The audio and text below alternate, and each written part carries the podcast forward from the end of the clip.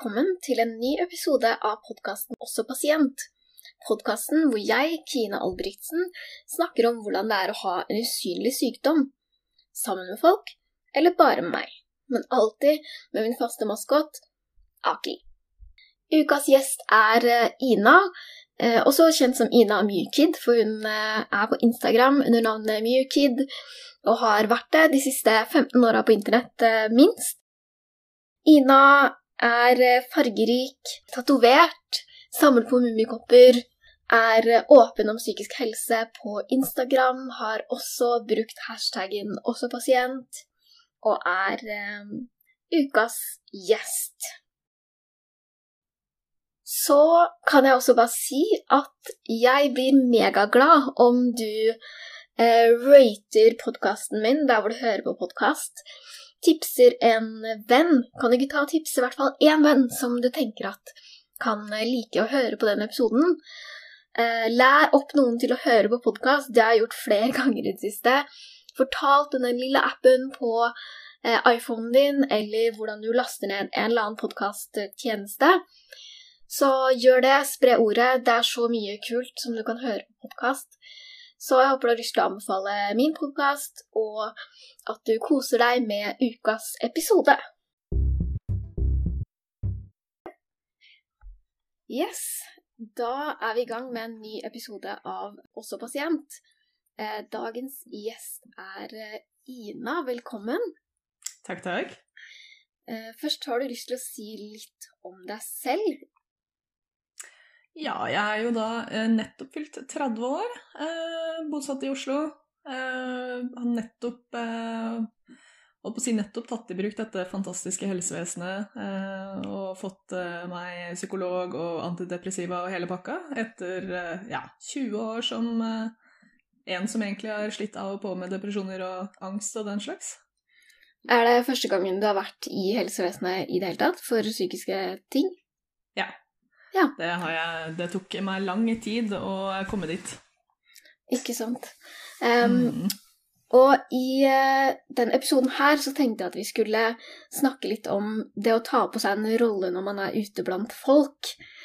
Um, kan mm. du si litt om det? Har du gjort det? Hva slags erfaringer har du med det? Nei, altså det er jo det jeg har egentlig stort sett gjort hele livet. Uh, jeg vokste opp vel egentlig som en sånn slags uh, klovn som ikke ville bli sett, men hadde veldig stort behov for å bli sett allikevel.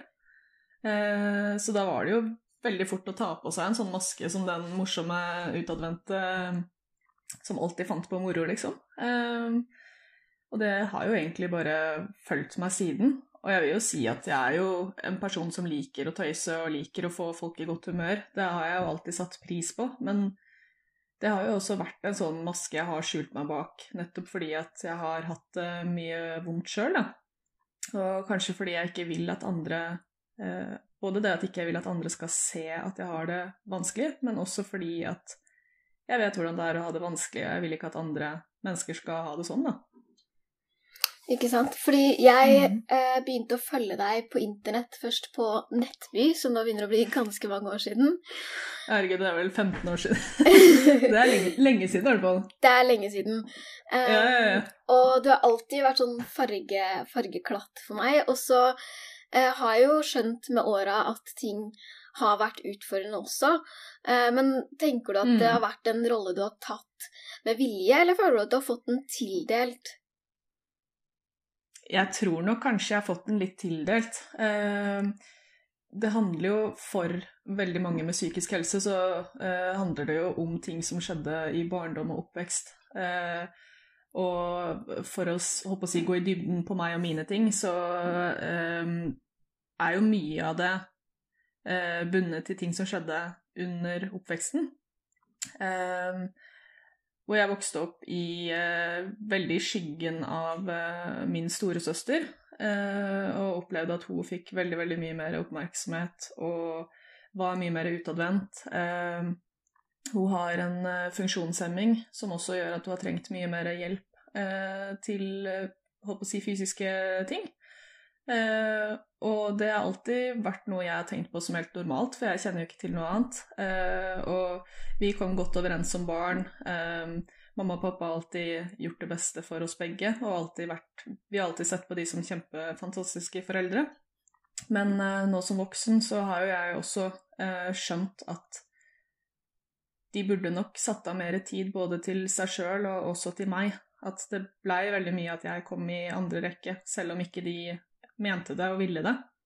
Um, så jeg, jeg, har jo sett på sånn uh, videoopptak og sånn av meg som treåring som flyr bort til søstera mi som da er seks år eldre, og spør om jeg skal hjelpe til med ting. Mm. Uh, med å hente ting for henne eller gjøre ting for henne. Uh, og det er jo både fint og sårt å se, fordi det sier jo litt om at jeg veldig fort uh, blei moden og veldig fort lærte å se andre mennesker, som jo er en positiv ting. Men det gjorde også at jeg alltid eh, satte hennes, og da også andres behov, foran mine egne.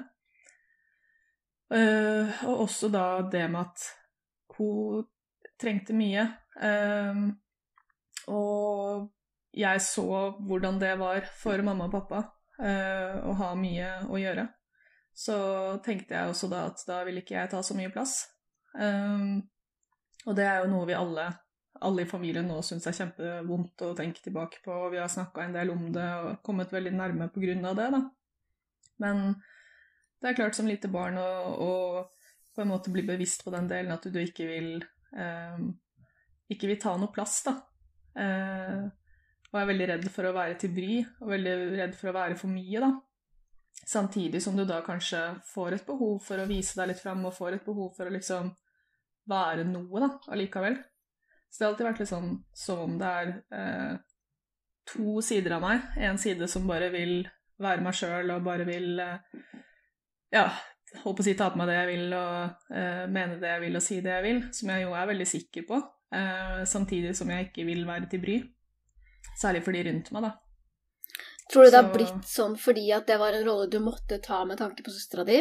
At du hadde ja, ikke da noe valg, på en måte, fordi hun hadde jo de behova hun har ja, jeg tror nok på en måte det. Eh, at det blei litt sånn.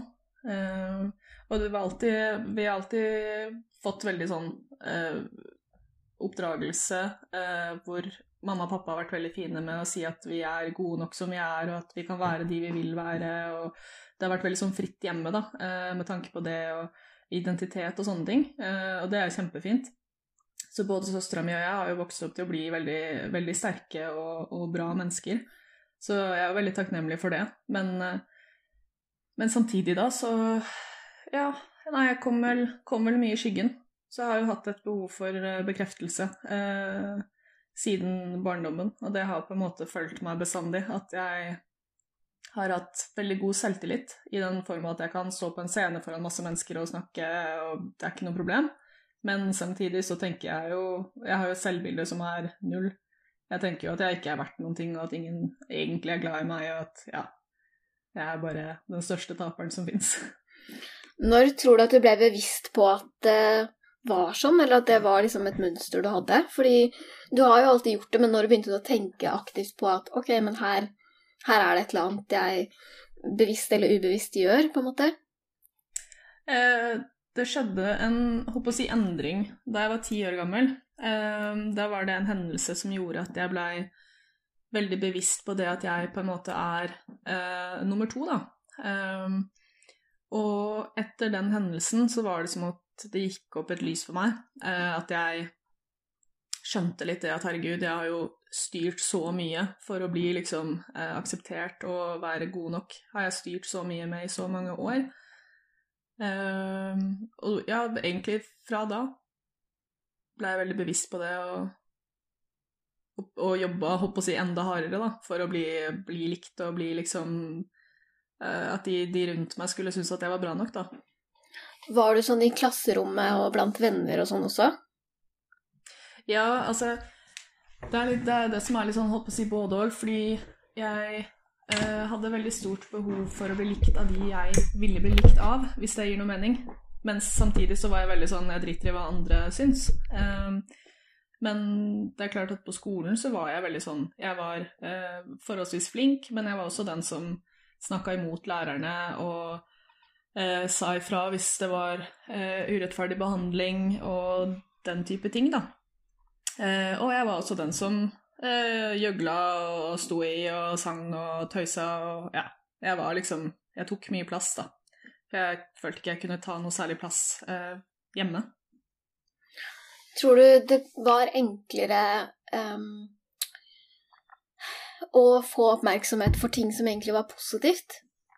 Er det noe du har tenkt på? At du fikk jo da uh, oppmerksomhet, og du ble jo sett for det som var gøy og morsomt og liksom out there, men kanskje ikke for det som var veldig sårbart da, og vondt, fordi det var jo Mm. helt klart noe som var vanskelig der også, selv om det ikke var med vilje fra foreldrene dine sin side, eller at det var på en måte ikke noe Mm.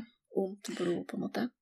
Ja, jeg tror nok, jeg tror nok eh, absolutt det. Og, og også det gikk jo på det igjen at jeg ikke ville eh, være noe belastning for mamma og pappa, eller liksom gi de noe ekstra eh, bryderi, da. Så gjorde jo det at jeg eksempel, jeg begynte jo ikke å drikke før jeg var 26, eh, for jeg ville ikke at de skulle ha det ubehaget med en eh, full tenåring. Eh, og jeg hadde jo jeg hadde jo perioder hvor jeg eh, så smått drev med selvskading, men da mamma oppdaga det, og jeg så hvor skuffa og lei seg hun blei, eh, så slutta jeg jo med det. Fordi da var jo den største, den største sorgen da var jo det at jeg hadde såra de. Og det var jo veldig viktig for meg å ikke gjøre det, og ikke ta den, eh, den plassen og, og eh, ja, såre de og sånn, da. Så det endte jo opp med at jeg kanskje blei mer på det positive aspektet, ja, utad. At den delen av meg som jeg viste fram, var liksom den blide, positive eh, til enhver tid, da. Ja, hvordan fikk du da kanalisert ut det som var, eh, var vondt? Hvor gjorde du av det, på en måte? Nei, det blei veldig mye sitte på rommet for meg sjøl og bearbeide, da. Grine og høre på trist musikk, og jeg var mye aleine. Eh, jeg hadde litt venner, men jeg blei også en del mobba på barneskolen og ungdomsskolen og videregående fordi jeg var eh, veldig annerledes eh, i stil og uttrykk, da, og skilte meg mye ut. Eh, så jeg hadde noen få venner som eh, jeg var veldig nære og hadde kjæreste og sånn, men Men eh, jeg følte liksom ikke helt at jeg kunne snakke med de om sånne ting. Det var ikke egentlig noe jeg delte eh, med noen, og jeg var jo veldig vant fra da, som sagt, barndommen av at det var ikke noe jeg ville dele med noen andre enn da meg sjøl, da. Så jeg har båret på veldig mye inni meg, og funnet mye trøst i musikk og det å sitte for meg sjøl, holdt på å si. Hvordan har det vært eh, nå, når du har begynt eller kommet inn i psykiatrien? For du har vel begynt på DPS, er det ikke sånn det er? Mm, mm. Eh, Jeg begynte der og har hatt et par timer der, ja. Altså, enten om du har kommet så langt at du har kjent noe på det, eller hva du tenker om det videre. eh, hva tenker du om å nå skulle prøve å sette ord på det? Eh, hva skal jeg si? Jeg føler jo at jeg er generelt ganske reflektert over eh, egen person og egen syke, og hva som på en måte er eh, grunnen til mange av mine problemer, da. Absolutt. Eh, men det er jo veldig godt å få snakka høyt om det. Eh, og så tenker jeg jo også litt sånn at det å sette ord på ting jeg har kjent på og følt på så lenge, det er jo noe jeg egentlig alltid har gjort litt av. for jeg har jo alltid vært litt sånn som snakker med meg sjøl litt, og ja. Eh, likte godt å skrive da jeg var yngre. Eh, skrev litt sånn dagbøker og ja. Det var jo også derfor blogg og sånn ble en del av eh, min hverdag, for jeg likte veldig godt å få ting ned, ut, Mm. på den måten, da. Mm. Er det noen av de vennene dine som du har nå, som du har hatt veldig lenge? Mm. Altså, det er jo da bestevenninna mi fra barndommen eh, jeg har jeg jo fortsatt eh, god kontakt med, jeg er jo fortsatt en veldig nær venn. Um, vi blei jo venninner da jeg var fire år gammel, i, og en annen venn også da fra, fra barneskolen. Eh, Pluss da eksmannen min, da, som jeg jo ble Mm. sammen med da jeg var 13 år gammel. Vi har jo også Mm. eh, fortsatt god kontakt. Ja, fordi det var en av de tingene jeg tenkte på um, inn til det her temaet. Fordi Mm. um, veldig ofte så er det jo sånn at folk skammer seg veldig mye for å snakke om ting. Og det er, eh, syns Mm. folk er veldig vanskelig å komme ut og si sånn Hei, men jeg har det faktisk vanskelig. Eh, og sånn her er faktisk mitt liv og min hverdag. Og da er det jo også sånn at eh, en del jeg snakker med, sier sånn Men i min hverdag så er ikke jeg syk. I, mi, i min hverdag Mm. så vet ikke folk rundt at det er noe. De, altså, de behandler meg helt vanlig. Um, Mm. Og har det vært en sånn overgang? Du er jo åpen på Instagram, og, men du må jo også møte folk Mm. liksom, i hverdagen din. Mm. Har du tenkt noe på det? Jeg har jo Ja, jeg har jo for så vidt det, men nå har jo jeg vært forholdsvis åpen i lengre tid, egentlig, med de rundt meg. Eh, Men det er jo først nå, kanskje de siste par åra, at jeg har vært ordentlig åpen. Og nå det siste halvåret, eh, halvåret året, at jeg har vært åpen på internett også. Men det er klart eh, Jeg merker ikke så stor forskjell på hvordan folk behandler meg. Det jeg kanskje merker litt at jeg har blitt flinkere på å si fra mine egne begrensninger og si hvordan eh, jeg har det. Eh, og være litt mer bevisst på det. eh, og det å da oppleve at jeg faktisk blir hørt.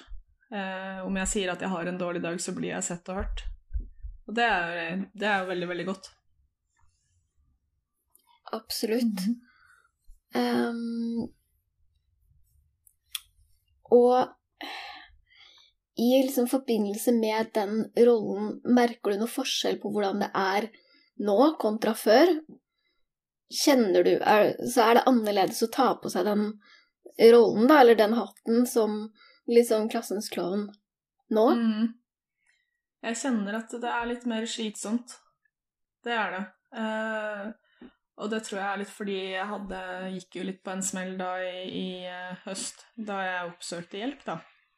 Eh, for da hadde jeg holdt på den maska eh, såpass lenge, eh, og var egentlig veldig på felgen. Så da sprakk det litt.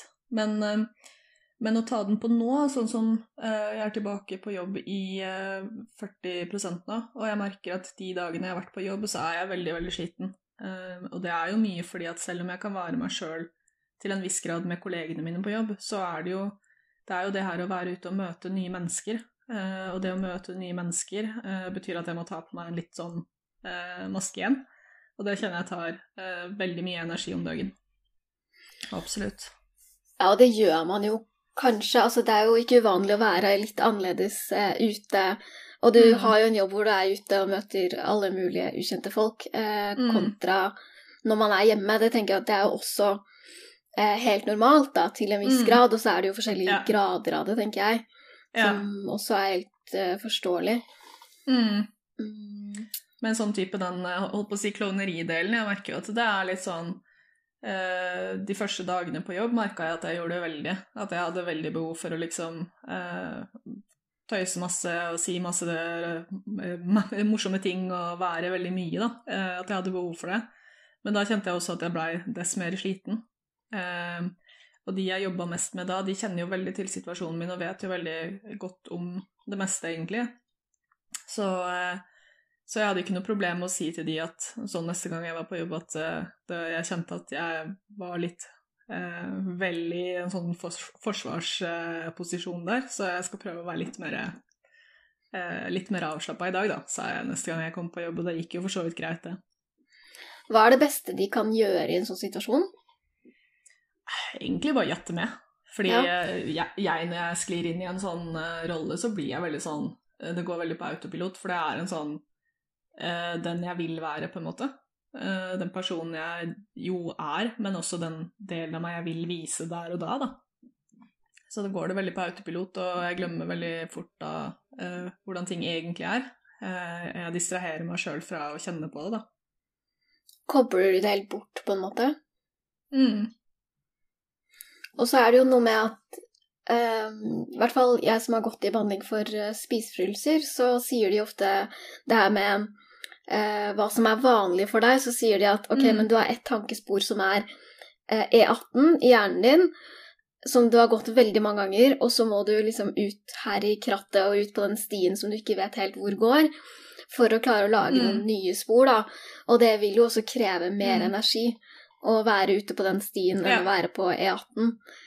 Uh, og i hvert fall Ja, ja, opplever jeg at hvis jeg først er litt sliten, så er det mye lettere å bare ta E18 lite grann. Så slipper jeg å være ute på den stien som krever så mye av meg, da.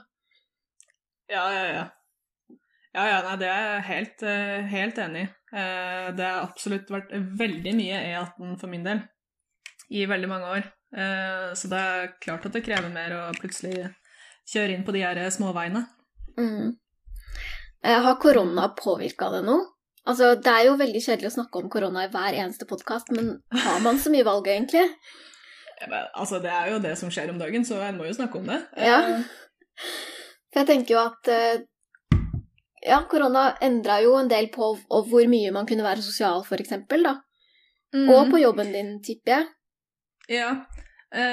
jeg vil si korona har ikke gjort kjempemye for min del sånn sett, fordi jeg har jo fortsatt uh, vært i jobb og fortsatt kunne være sosial på den måten. Uh, men det som har vært vanskelig, har vært å ikke kunne møte familie, fordi familien min bor i, uh, bor i en annen by, og ikke da kunne reise til de og besøke de.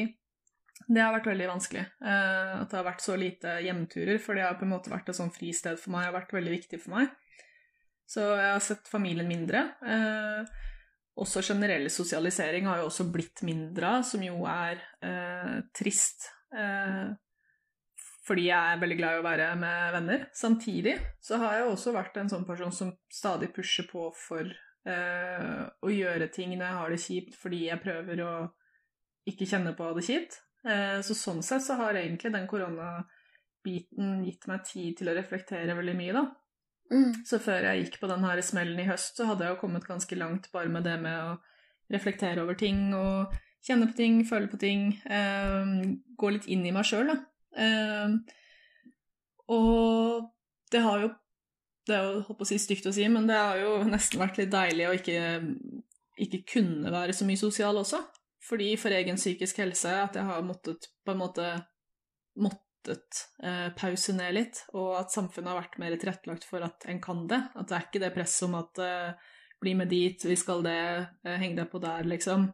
Eh, som vanligvis selvfølgelig er koselig, men som krever veldig mye når en er psykisk syk, da. Og at det at det da faktisk er stengt rundt forbi, og at det faktisk er sånn at en ikke skal treffe folk hele tida og ikke ha masse besøk og sånn, det har nesten vært litt deilig òg, for egen del, Mm. faktisk. Ja, det, det kan jeg jo veldig godt forstå. Eh, men du sa at eh, du liker veldig godt å reise hjem til familien din fordi det er et fristed, samtidig som det jo også er Mm. der den rollen liksom oppsto. Mm. Um, jeg tror at Eller de siste åra har uh, jeg og mamma og pappa prata veldig åpent og fint sammen om ting.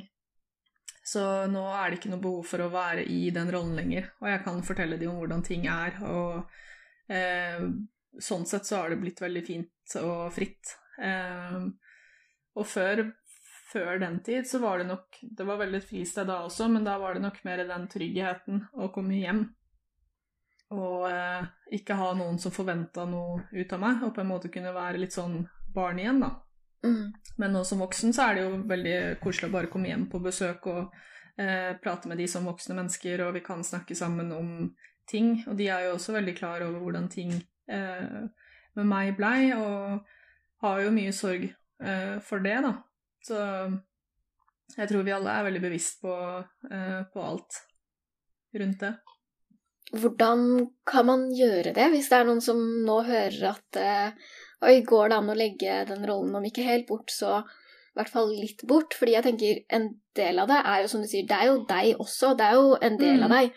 Og så Mm. er det jo spørsmålet hvor mye og hvor ofte man skal liksom ta på den rollen helt ut. Men hva, hva gjør man hvis man har lyst til å bryte ut av den rollen litt mer? Jeg tror kanskje det beste er å starte sånn forsiktig med å øve seg på de menneskene en føler seg trygg på, eh, og så bli mer bevisst på at det faktisk er en rolle. Men som du sier, at det er en rolle som er en del av deg. Fordi det er jo ikke det at jeg tar på meg en maske som er en helt annen person som ikke er meg. Det er jo meg absolutt 100% jeg er alltid meg sjøl 100% Men det handler litt om hvilken del av deg du vil vise, da. Om du bare vil vise da den her E18-delen, eller om du vil vise liksom hele veikartet, da.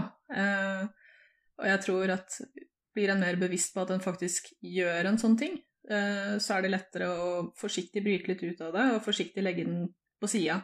Og det er jo som du sier, at selvfølgelig i en, i en jobb hvor man møter mennesker, eller eh, altså serviceyrker, eller eh, bare det i møte med nye mennesker, selvfølgelig så vil en jo framstå som sin beste utgave og være blid og, og utadvendt og sånn, men det handler litt om å kunne da senke skuldrene litt når ikke en trenger å ha på den maska, da. Så Mm. jeg tror rett og slett bare øve seg litt forsiktig fram med mennesker du er trygg på, og også da være bevisst på det når en gjør det. Eh, kjenne at nå går jeg dit igjen, eh, og også da eh, kanskje roe ned et par hakk. Mm. Ja, Mm. veldig Veldig fint. Hva har du tenkt noe om hva når man begynner å kunne bli sosial igjen? Mm. Siden det var en positiv ting nå at du egentlig fikk litt mindre, mindre på agendaen og litt mindre tettpakka program. Mm. Nei, jeg tror eh, jeg håper å si innen ting åpner såpass opp at det blir aktuelt, så vil det nok være godt utpå vår, sommer. Og da håper jeg jo at jeg føler meg bedre eh, og klarere for å møte nye mennesker og sånn også. Eh, så jeg tror nok det skal bli veldig fint.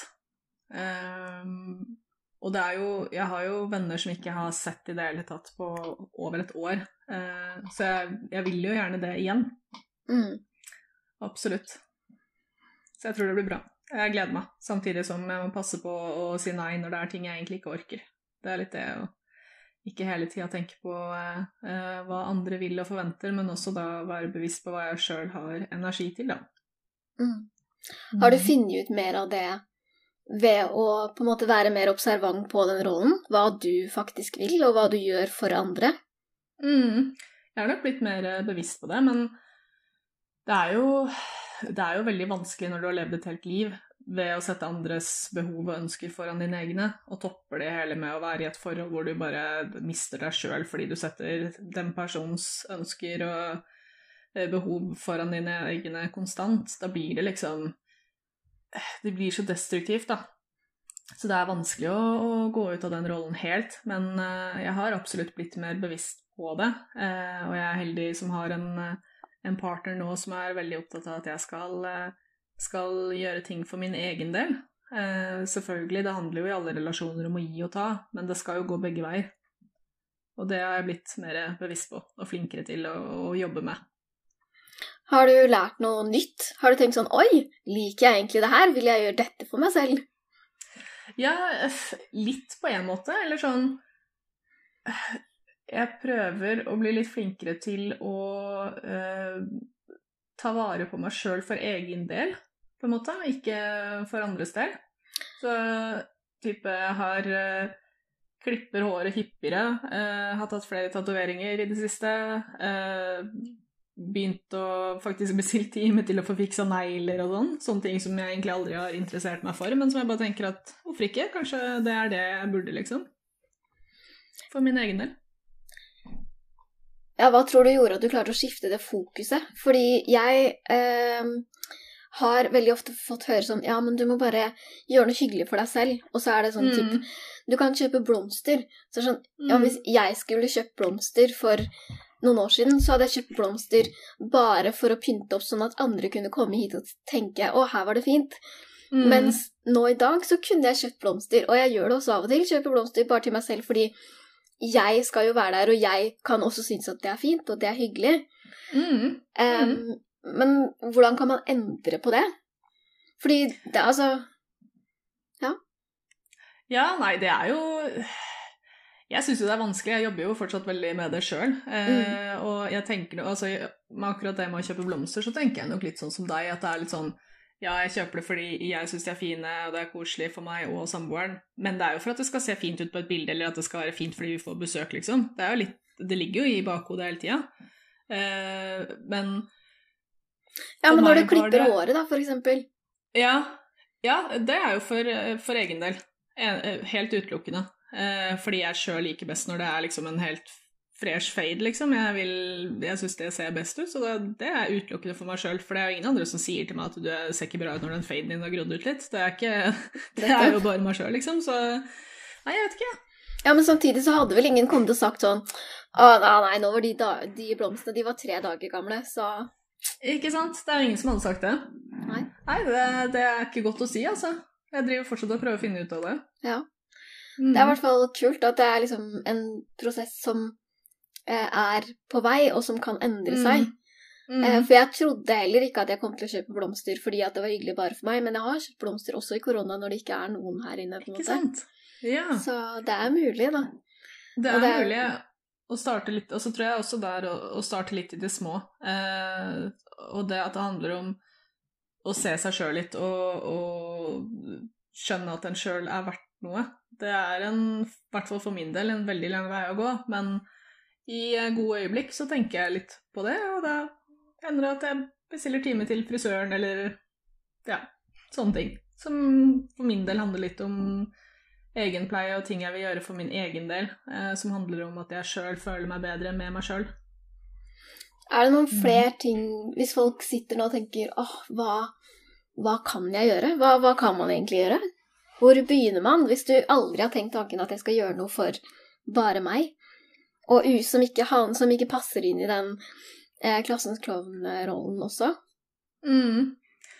Mm. Jeg tror kanskje at finne ut, eller i hvert fall være litt mer bevisst på hva det er som gir deg glede sånn generelt, da. Eh, og som deprimert er det jo vanskelig å vite, holdt på å si, da kjenner man jo ikke så mye på glede uansett, men sånn tenke tilbake på eh, før kanskje depresjon, eller i bedre perioder, tenke på da hva, hva var det som pleide å gi meg glede, og så prøve det ut.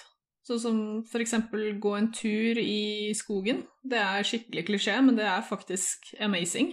Eh, bare vær bevisst på alt det du ser rundt deg, liksom. Eh, eller Nå går det ikke an å reise så mye, da, men eh, når det går igjen eh, Reise, eksempel. Oppleve nye ting, få nye inntrykk. Eh, og og sånne småting i hverdagen som en kanskje ikke er så bevisst på ellers, at en går litt inn i en sånn tunnel og bare ikke ser ting rundt seg, men sånn ting som lukten av regn om sommeren, eller ja, fine blomster, eksempel.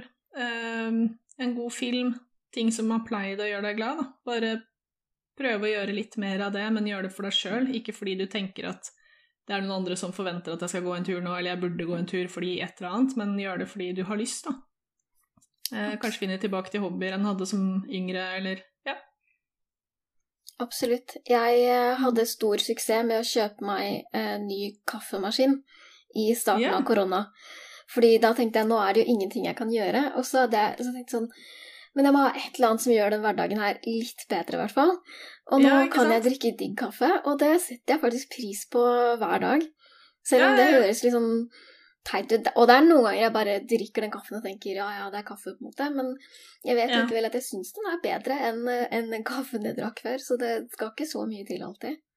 Nei, ikke sant, men det er jo akkurat det. Bare finne en eller annen liten greie. Altså, det trenger ikke å være viktig for noen andre enn deg sjøl, og det er jo litt det det går på også. At om eh, kaffemaskin med god kaffe er det som på en måte er den lille greia for deg, eller om det er en ny parfyme som du bare syns lukter sykt godt, og som du tar på deg hver dag og nyter eh, lukta av, så er det Det trenger ikke å være noe mer enn det. Eh, det handler om små ting og summen av det, da. Det skal ikke nødvendigvis være en sånn svær, diger, eh, banebrytende, livsendrende greie, men småting. Et lite drypp her og der. Og det trenger kanskje heller ikke være ting som er så synlige for andre. Nei. Nei, nei, nei. Nei, Det tenker ikke jeg heller. Det skal være, det skal jo være for egen del. Ja, for det er kanskje også Mm. noe med den rollen, da, når man er vant til å gå inn i en rolle hvor jeg jo også antar at i tillegg til å være veldig selvstendig og, og klare deg sjøl, så har du nok også utstrålt det ganske mye, vil jeg tro. At du har Mm. vært en som Ja, du klarer faktisk selv, men du har også gitt det inntrykket da, gjennom å ha litt den rollen med å være den morsomme og den som, som klarer seg sjøl. Mm. Mm. Ja, jeg har nok framstått som veldig selvstendig og veldig sterk eh, utad. Eh, og det er nok også derfor veldig mange har eh, reagert når de har fått vite at jeg har hatt det som jeg har hatt det da, i alle år. Fordi de har sett på meg og tenkt at det der er en person som liksom alltid er blid og glad og alle fargene og liksom kan stå for meningene sine og sånn og sånn. Um, Ja, Og har så folk jeg blitt overraska? grått etterpå, liksom. Eh, Ja. ja, jeg tror nok mange har Jeg tror nok mange har det, altså. Faktisk. så tror jeg det. Og de som kjenner meg, har jo visst det litt mer, for de har jo merka det litt mer, kanskje. Men, men uh, de som ikke kjenner meg, har nok blitt overraska. Jeg tror ikke hvis du hadde spurt noen av lærerne mine fra jeg var mindre om de visste at jeg var som jeg var nå, da, eller at jeg hadde vært sånn som det bestandig, men ikke uh, turt å vise det. Jeg tror ikke de hadde svart at de hadde vært klar over det. Det er jo derfor jeg syns det er så kult at du også har lyst til å komme som gjest, nettopp fordi det er jo mye av det konseptet eh, hashtag også pasient går på. At jeg tenker at man kan mm. jo ikke se det, og man kan ikke vite det. Nei, nei, nei. Eh, og at det Ja, det vet man jo aldri, men at det er derfor det er viktig å snakke om òg, fordi Ja, nettopp fordi man kan ikke vise det frem bare utad ved den man er, da. Nei, absolutt ikke. Og jeg syns også det er en veldig fin, uh, fin, tilbakemelding jeg har fått etter å ha vært veldig åpen, spesielt da på, uh, på nett, uh, er jo det at jeg har fått meldinger fra mennesker som jeg har sett på som veldig sånn sånn som folk kanskje da ser meg, da. Eh, og tenkte at det, den personen der har alt på stell, og der er det bare topp stemning og sterk og, og flott person, liksom. Og så kommer vedkommende og skriver til meg at vet du hva, jeg har gått på antidepressiva i så og så mange år, eller jeg slitter masse med det, eller altså har delt ting fra sin side igjen, da, og sagt det at det er så fint å se at sånne som deg også sliter.